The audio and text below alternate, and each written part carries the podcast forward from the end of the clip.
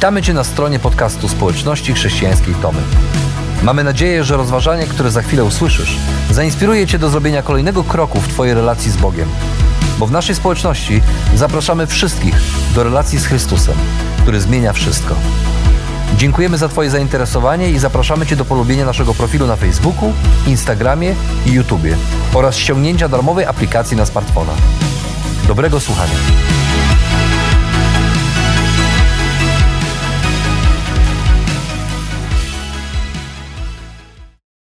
Rodzinnym domu chciałeś powiedzieć, że coś jest naprawdę dobre, to się mówiło, że to jest jak przed wojną. Nie wiem, czy też tak mieliście.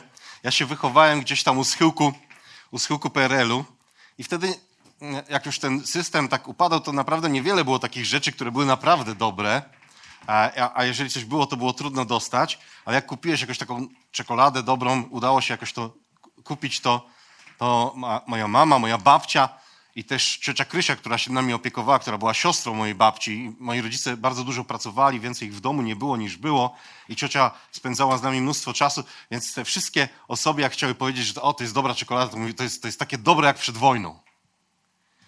E, I owo przed wojną w moich oczach, w takim moim myśleniu jako bardzo jeszcze młodego człowieka było takim synonimem luksusu i synonimem wysokiej jakości. Wyobrażałem sobie, że przed tą wojną Polska musiała być naprawdę krajem mlekiem i miodem płynącym, gdzie czekolada zawsze była przepyszna, a wszystko, co można było dostać, było naprawdę, naprawdę dobrej, wysokiej jakości. I wyobraźcie sobie ten mój dyskomfort, kiedy jako już taki nastolatek zacząłem czytać trochę książek historycznych, no i dowiedziałem się, że, że Polska przed tą wojną no była takim krajem na dorobku, takim krajem, który gdzieś tam podnosił się ze zniszczeń I wojny światowej, że wojny z bolszewikami, że, że te, po rozbiorach próbował się scalić. No i, no i powiedzmy sobie, no nie był to jakiś kraj mlekiem miodem płynący, był to kraj, e, w którym, e, w którym były duże różnice majątkowe pomiędzy ludźmi i naprawdę, o ile niektórzy być może żyli całkiem przyzwoicie, to, to sporo ludzi no, żyło tak, tak sobie. Jeden z, najbiedniejszych krajów, jak patrząc na, na, na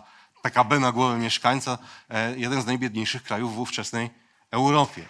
No ale moja babcia i ta ciocia Krysia, która się mną opiekowała, one właściwie całe takie młode życie dobre, to, tą dobrą część życia spędziły przed wojną. No, po, potem przyszła wojna, za dobra nie była, potem, potem przyszły różne inne komplikacje, które spowodowały, że też jakoś mm, te wspomnienia ich nie były być może najlepsze. No i zbudowały sobie taki mit tego, co było przed wojną, tego, co było z czasów ich młodości, tego, co, co dotyczyło no, tych najbardziej szczęśliwych momentów e, w ich życiu. I tak jest z nami. Ja taką tendencję do tego, żeby trochę mitologizować coś, co już kiedyś się zdarzyło. Żeby myśleć o tym, że a kiedyś, no kiedyś to było lepiej. I to wszystko zależy oczywiście od tego, kiedy się wychowywaliśmy. Być może dla niektórych z nas takim szczęśliwym czasem to, nie wiem, czasy Zagierka. No Zagierka to wiadomo, wtedy było lepiej. Dla niektórych jeszcze coś innego. Dla, moich, dla mojej rodziny właśnie to przed wojną było takim synonimem, synonimem jakości, e, wspaniałości i, i, i dobrego smaku. I właściwie jako chrześcijanie też mamy taką tendencję. Też mamy taką tendencję, żeby myśleć o tym, że to, co było kiedyś, no było trochę lepiej niż teraz.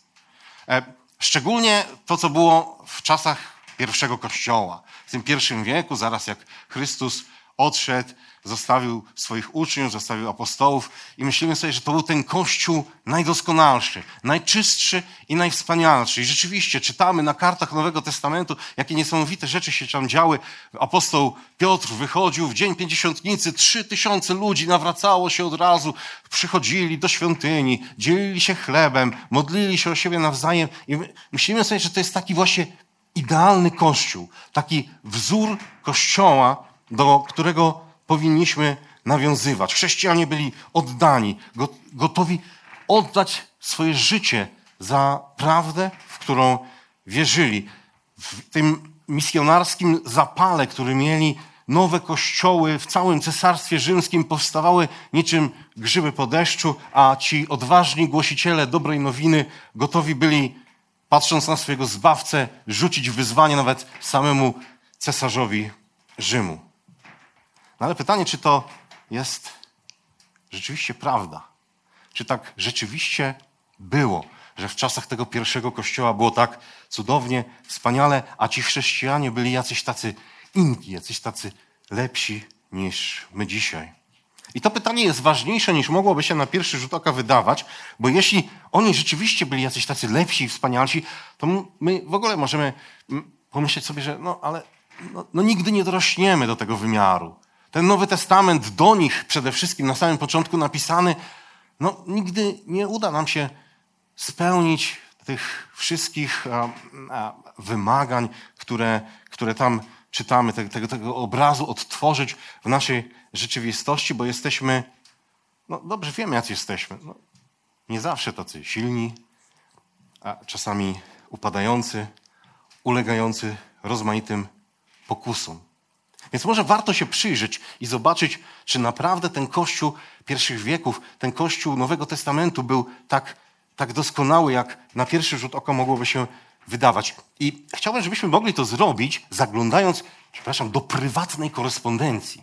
Do prywatnej korespondencji apostoła Pawła, który napisał do swoich przyjaciół w Koryncie taki no, prywatny list, w którym, e, w którym odnosił się do różnych, różnych mm, aspektów ich chrześcijańskiego życia. A więc chciałbym, żebyśmy zajrzeli być może do tego listu dzisiaj. To jest piąty rozdział, piąty rozdział tego, tego listu. E, I pierwszy problem, jaki zauważymy w tym liście na pewno, w tym fragmencie naszym, to jest taki, że okazuje się, że całe chrześcijańskie życie być może byliście oszukiwani, bo pierwszy list do Koryntian nie jest pierwszym listem do Koryntian. Apostoł Paweł w tym fragmencie wzmiankuje, że napisał do nich wcześniej jakiś list, ale niestety ten list się nie zachował. Więc jest to pierwszy zachowany list do Koryntian. I okazuje się, że ci chrześcijanie w Koryncie Ci sami, o których apostoł Paweł na samym początku tego listu, tym początku, którego nie będziemy dzisiaj czytać, pisał, że oni są, dosłownie cytuję, poświęceni w Chrystusie Jezusie, powołani, święci, bogaci we wszelkie słowo, we wszelkie poznanie, ci, którym nie brakuje żadnego daru łaski. Okazuje się, że ci chrześcijanie pozwalali na to, żeby w ich społeczności, w ich wspólnocie działy się rzeczy, które no, urągają naszemu poczuciu przyzwoitości. Pisze Paweł, powszechnie słyszy się o rozpuście między wami. I to takiej rozpuście, której nie ma nawet wśród pogan. O tym, że ktoś żyje z żoną swojego ojca. Otóż członek tej wspólnoty no, żył, to słowo ma taki głęboki wymiar, to nie jest tylko mijanie się na ulicy, to, to jest bardzo bliska relacja ze swoją macochą. Pomimo tego, że e, Biblia, księga kapłańska w 18 rozdziale twierdziła, nie będziesz odsłaniał nagości żony swojego ojca, bo to tak jakbyś odsłonił jego nagość. Było to traktowane jako grzech, było to traktowane jako wykroczenie. Co więcej, wszyscy, jak się zdaje, o tym wiedzieli, bo Paweł pisze, słyszy się powszechnie. No my możemy się zastanowić, co to znaczy, że słyszy się powszechnie. Czy powszechnie wśród chrześcijan w Koryncie, czy może wśród wszystkich chrześcijan w tamtym czasie sprawa była głośna i znana? Czy mówiło się o tym na ucho, gdzieś prywatnych rozmowach, czy może ludzie opowiadali sobie to publicznie na placach i targowiskach? Czy donieśli mu o tym ci domownicy Chloe, których Paweł pisze w innym miejscu, że no byli takimi informatorami jego w kwestiach dotyczących tego, co działo się w tej wspólnocie chrześcijan, czy może po prostu, po prostu wszyscy o tym wiedzieli, że takie rzeczy się tam dzieją. Może nie mówili o tym tylko i wyłącznie chrześcijanie, ale może mówili o tym także inni e, ludzie, którzy, którzy po prostu o tym wiedzieli. W każdym razie wydaje się, że wiedziało o tym wystarczająco wiele osób. No i to jest pewien problem, bo fajnie by było, gdyby chrześcijanie byli znani z dobrych rzeczy, a nie tych, które no, nie wystawiają najlepszej opinii. Fajnie by było, gdyby chrześcijanie byli znani z łaski, z miłosierdzia, z miłości, z pomocy potrzebującym, z karmienia głodnych, z poświęcania się dla tych, którzy potrzebują ich pomocy. A tymczasem, i sami dobrze o tym wiemy, bardzo często chrześcijanie znani są z rzeczy, które chluby nam specjalnej nie przynoszą. Kiedy wiele lat temu byłem na swoich studiach teologicznych, pamiętam, mieliśmy zajęcia z, e, z wykładowcą, który był jednocześnie pastorem ze, e, ze Stanów Zjednoczonych. Był wykładowcą etyki i mieliśmy e, na tych zajęciach takie dyskusje na różne tematy. Między innymi dyskusja zeszła na temat tego, czy duchowni, przywódcy kościoła powinni nosić jakieś specjalne, wyróżniające ich stroje. Było takie bardzo ekumeniczne środowisko, byli tam chrześcijanie z bardzo różnych kościołów, także takich, gdzie tego rodzaju stroje są, są, e, są praktykowane. No i argumentacja była z różnych stron bardzo różna. Ja pamiętam do dzisiaj, jak ten nasz wykładowca powiedział, że on u siebie w Stanach nie nosi żadnych specjalnych strojów, nie nosi nawet koloratki. I to było ponad 20 lat temu. To był czas, kiedy przez Stany przetoczyły się różnego rodzaju skandale związane z Kościołem, między innymi z pedofilią, która miała miejsce e, w, w kościołach, różnych kościołach, ale najgłośniejsze były te, które miały miejsce w kościele, w kościele katolickim. I on mówił, że nie nosi tego, dlatego że ludziom się to kojarzy od razu z księdzem katolickim i źle się odnoszą do duchownych, którzy w taki sposób się ubierają. I oczywiście 20 lat, czy 20 parę lat minęło, w naszym kraju też pojawiają się tego typu informacje. Pojawiają się informacje nie tylko o tych pedofilskich skandalach, ale także o różnych malwersacjach pieniędzy, o tym, że duchowni czy przywódcy kościołów gdzieś tam zdradzają swoje żony, albo, albo mają kochanki, albo kochanków, albo jeszcze inne historie, siedzące jakiś czas gdzieś tam wypływają tego typu rzeczy. I myślę sobie, e, fajnie by było. Fajnie by było, gdybyśmy jako chrześcijanie byli znani z miłości, z oddania, z wierności, ale bywamy znani z zupełnie innych rzeczy. I dla bardzo wielu ludzi słowo chrześcijanin nie oznacza kogoś, kto tak jak w pierwszym wieku zbiera dzieci ze śmietników porzucone przez swoich rodziców, tylko kogoś, kto sprzeniewierza pieniądze, kogoś, kto narzuca jakiś swoje, swój sposób widzenia świata na, za wszelką cenę i na siłę, kogoś, kto prowadzi się niemoralnie, a od innych wymaga moralności. I nie ma się co obrażać, że świat nasz, media działają w ten sposób, że wyszukują skandali i to jest coś, o czym ludzie częściej słyszą niż o tych chrześcijanach, którzy pomagają. Nie ma się co obrażać, bo tak jest po prostu, taka jest natura tych mediów. Natomiast to, co my moglibyśmy zrobić, to jest nie dawać okazji. Nie dawać okazji do tego, żeby takie skandale się pojawiały. Najwyraźniej Koryntianie, wśród których taki skandal się pojawił, zamiast uczciwie załatwić sprawę tak, jak należy, przeszli nad nią do porządku dziennego i po prostu udawali, że nic złego się nie dzieje. Paweł pisze: Wy wbiliście się w pychę, zamiast raczej boleć nad tym, aby został usunięty spośród Was ten, kto dopuścił się takiego czynu. Jak rozumiem, ten człowiek czy, czy, czy ta para w ogóle nie, nie miała zamiaru nic zrobić z, z, z tym, co, co, co robili. Nie mieli zamiaru odwrócić się od niewłaściwego zachowania, a Kościół nie miał zamiaru wyciągnąć konsekwencji. I to jest zupełnie tak, jak w przypadku bardzo wielu tych współczesnych skandali, o których słyszymy, gdzie pod dywan próbuje się zamiatać różnego rodzaju rzeczy, które nie przynoszą chluby, zamiast no, po prostu je przeciąć i załatwić tak, jak załatwione być powinny. Paweł wskazuje na to, jak powinny być załatwiane tego typu rzeczy i no, być może brzmi to radykalnie i trochę, i trochę tak bezwzględnie, ale nawiązuje też do tych słów, o których mogliśmy słyszeć w zeszłym tygodniu, do tych słów zapisanych w 18 rozdziale Ewangelii Mateusza, gdzie kiedy zwracamy uwagę komuś, kto kto grzeszy. Ten ktoś nie przyjmuje te, tych uwag, nie, nie próbuje z, zmienić swojego życia, kiedy nie próbuje zmienić tego swojego postępowania nawet wtedy, kiedy przychodzimy ze świadkami, kiedy, kiedy cały Kościół sprawia, stawia sprawę e, e, wyraźnie, próbując no, pomóc tej osobie, to Paweł mówi, że jest jedna droga w takiej sytuacji.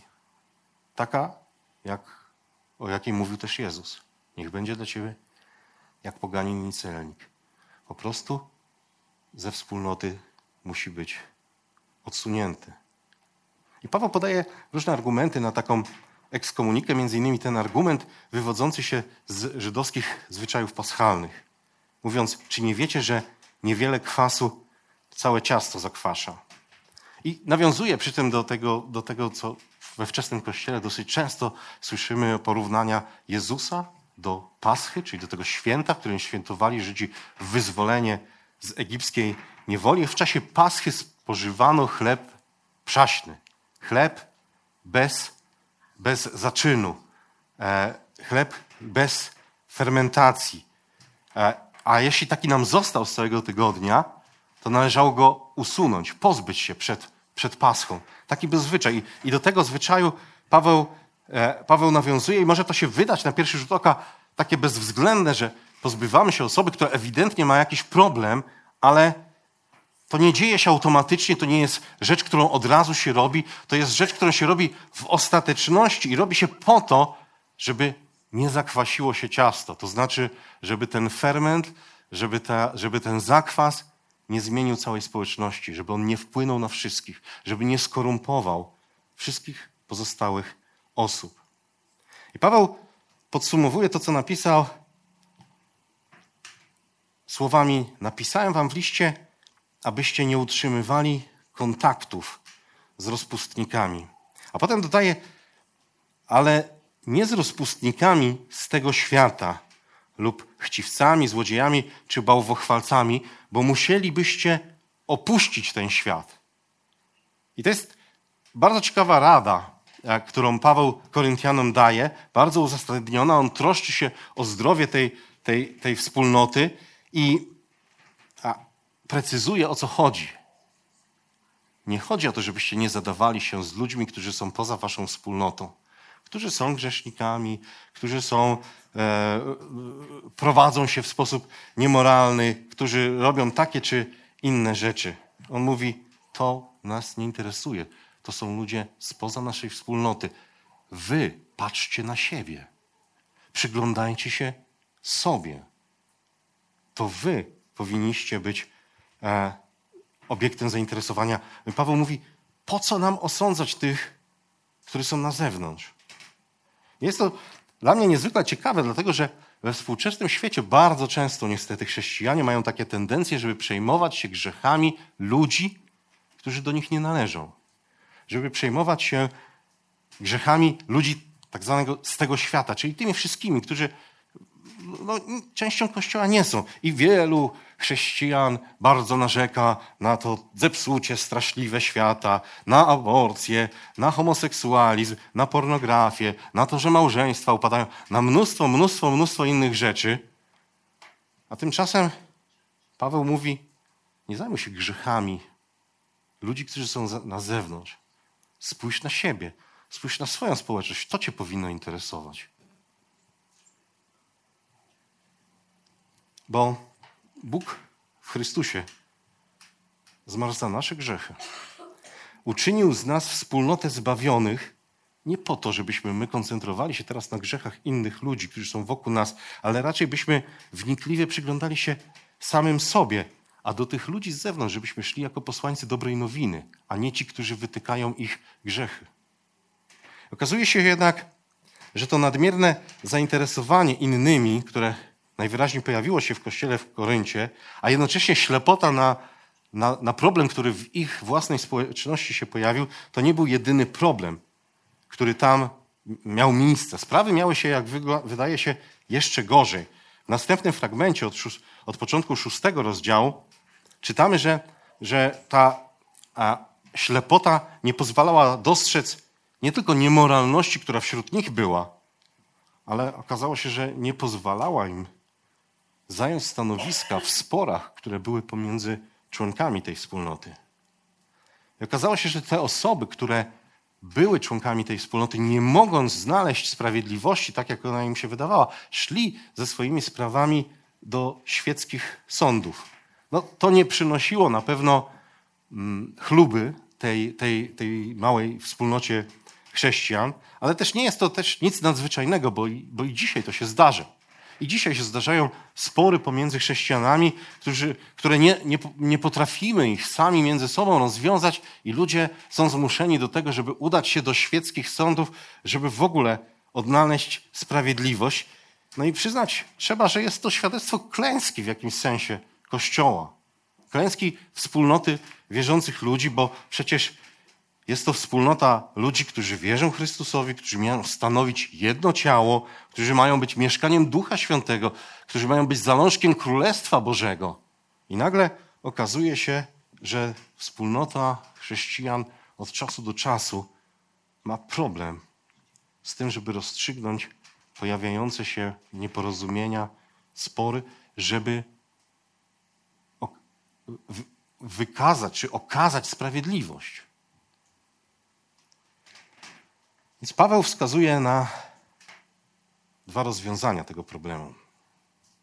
Po pierwsze, wierzący, jego zdaniem, powinni sami próbować między sobą spory rozwiązywać, bez angażowania ludzi spoza wspólnoty, dlatego że po co mają przynosić innym no, wszystkie, wszystkie swoje a, a, brudy i wszystkie swoje, i wszystkie swoje problemy.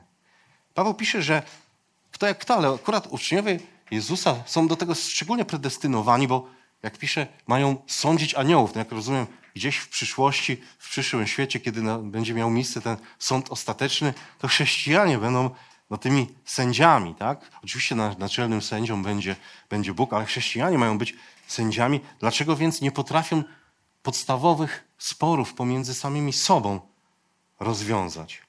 A drugie rozwiązanie, o którym Paweł pisze, już sam fakt, że takie spory istnieją, jest kompromitujący.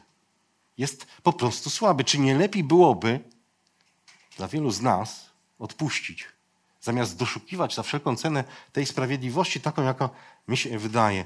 Paweł pisze, dlaczego raczej nie znosicie niesprawiedliwości? Dlaczego raczej nie ponosicie szkody?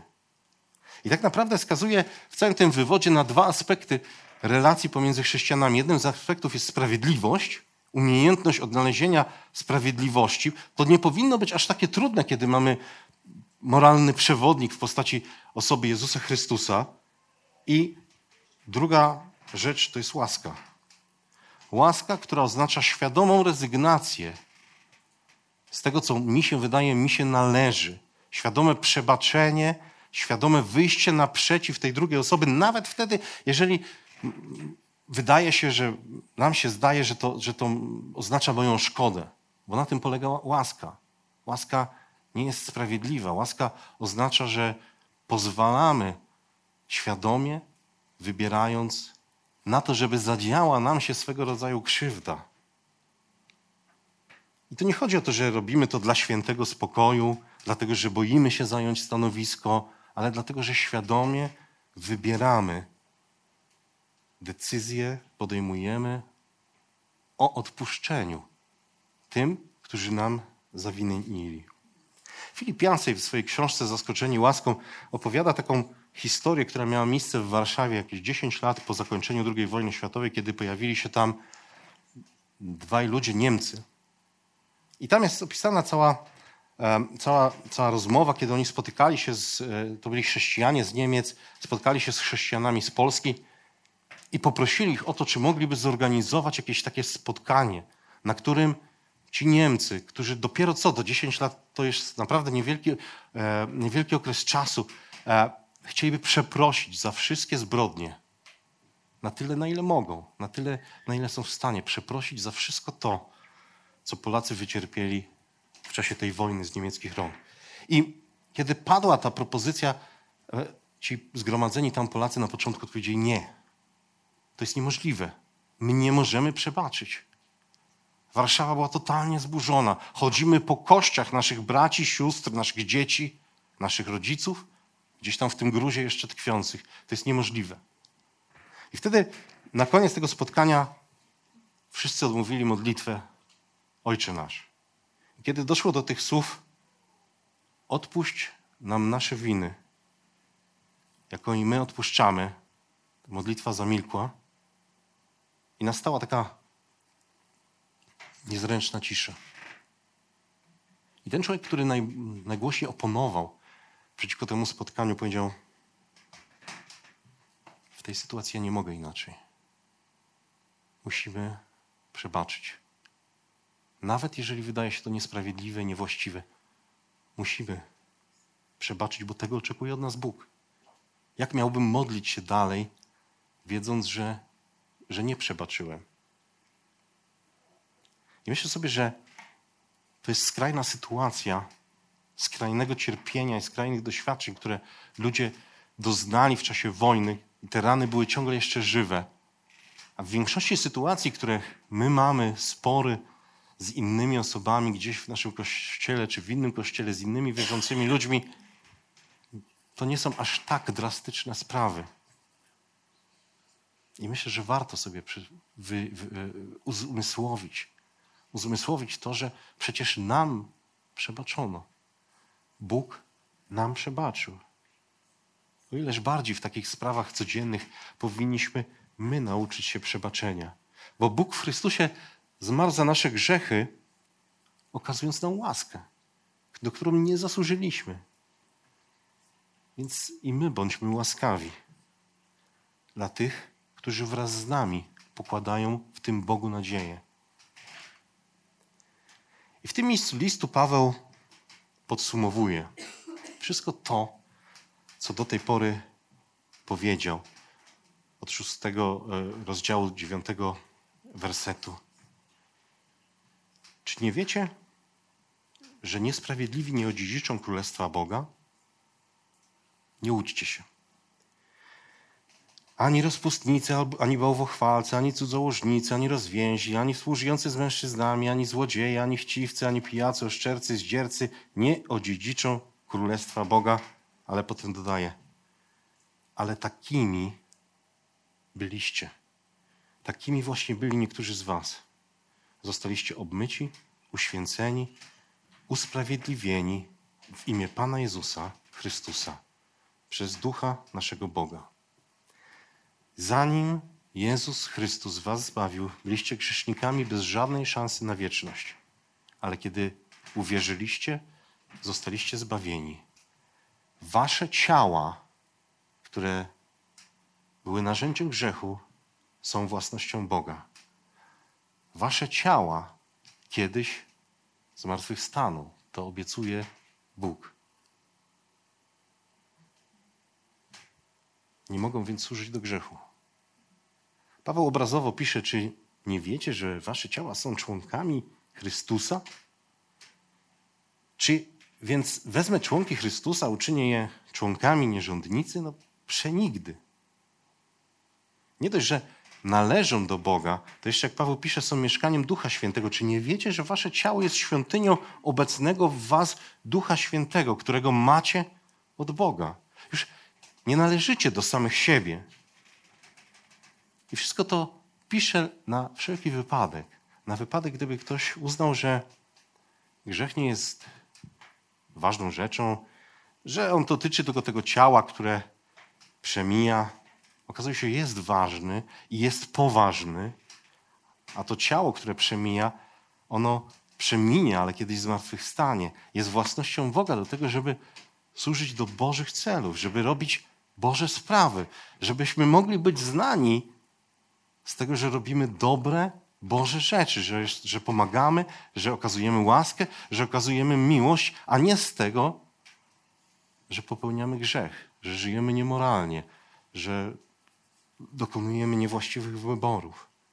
Bo Bóg w Chrystusie zmarł za nasze grzechy, żeby nas zbawić i żeby uczynić nasze ciała mieszkaniem Ducha Świętego, więc nie lekceważmy nigdy grzechu i nieposłuszeństwa. To są poważne sprawy.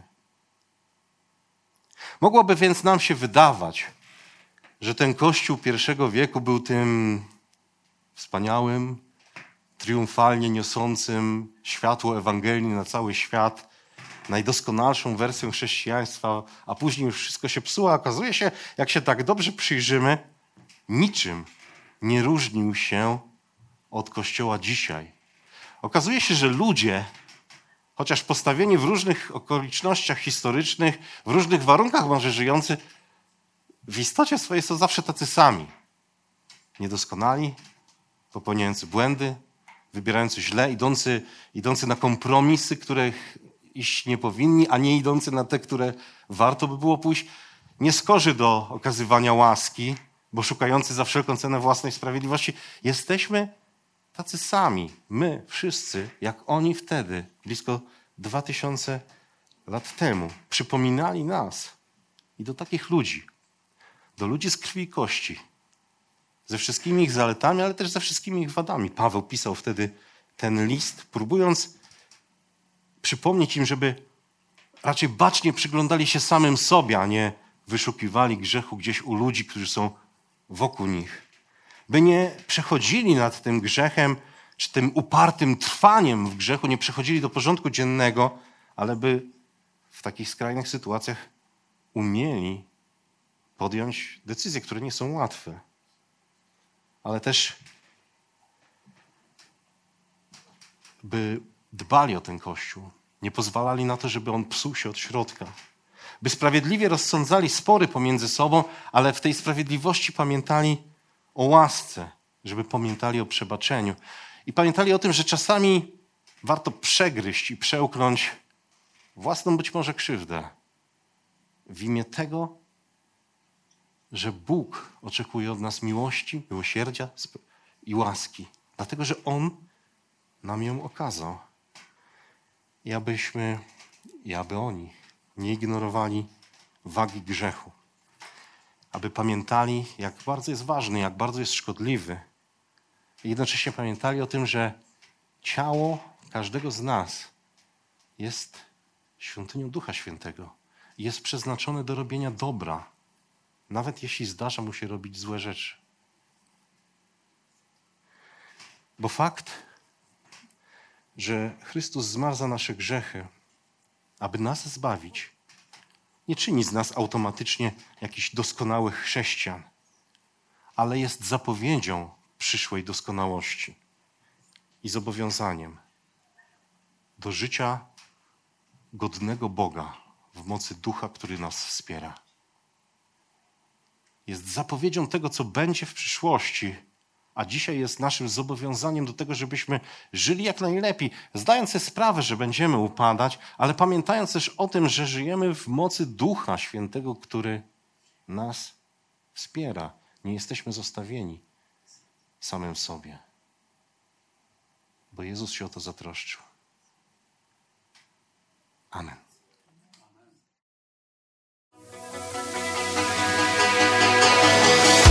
Jeszcze raz dziękujemy za wysłuchanie naszego rozważania. Jeżeli mieszkasz w okolicach Tomaszowa Mazowieckiego lub Łodzi, zapraszamy Cię do odwiedzenia nas na niedzielnym nabożeństwie. Więcej informacji znajdziesz na stronie schatomy.pl.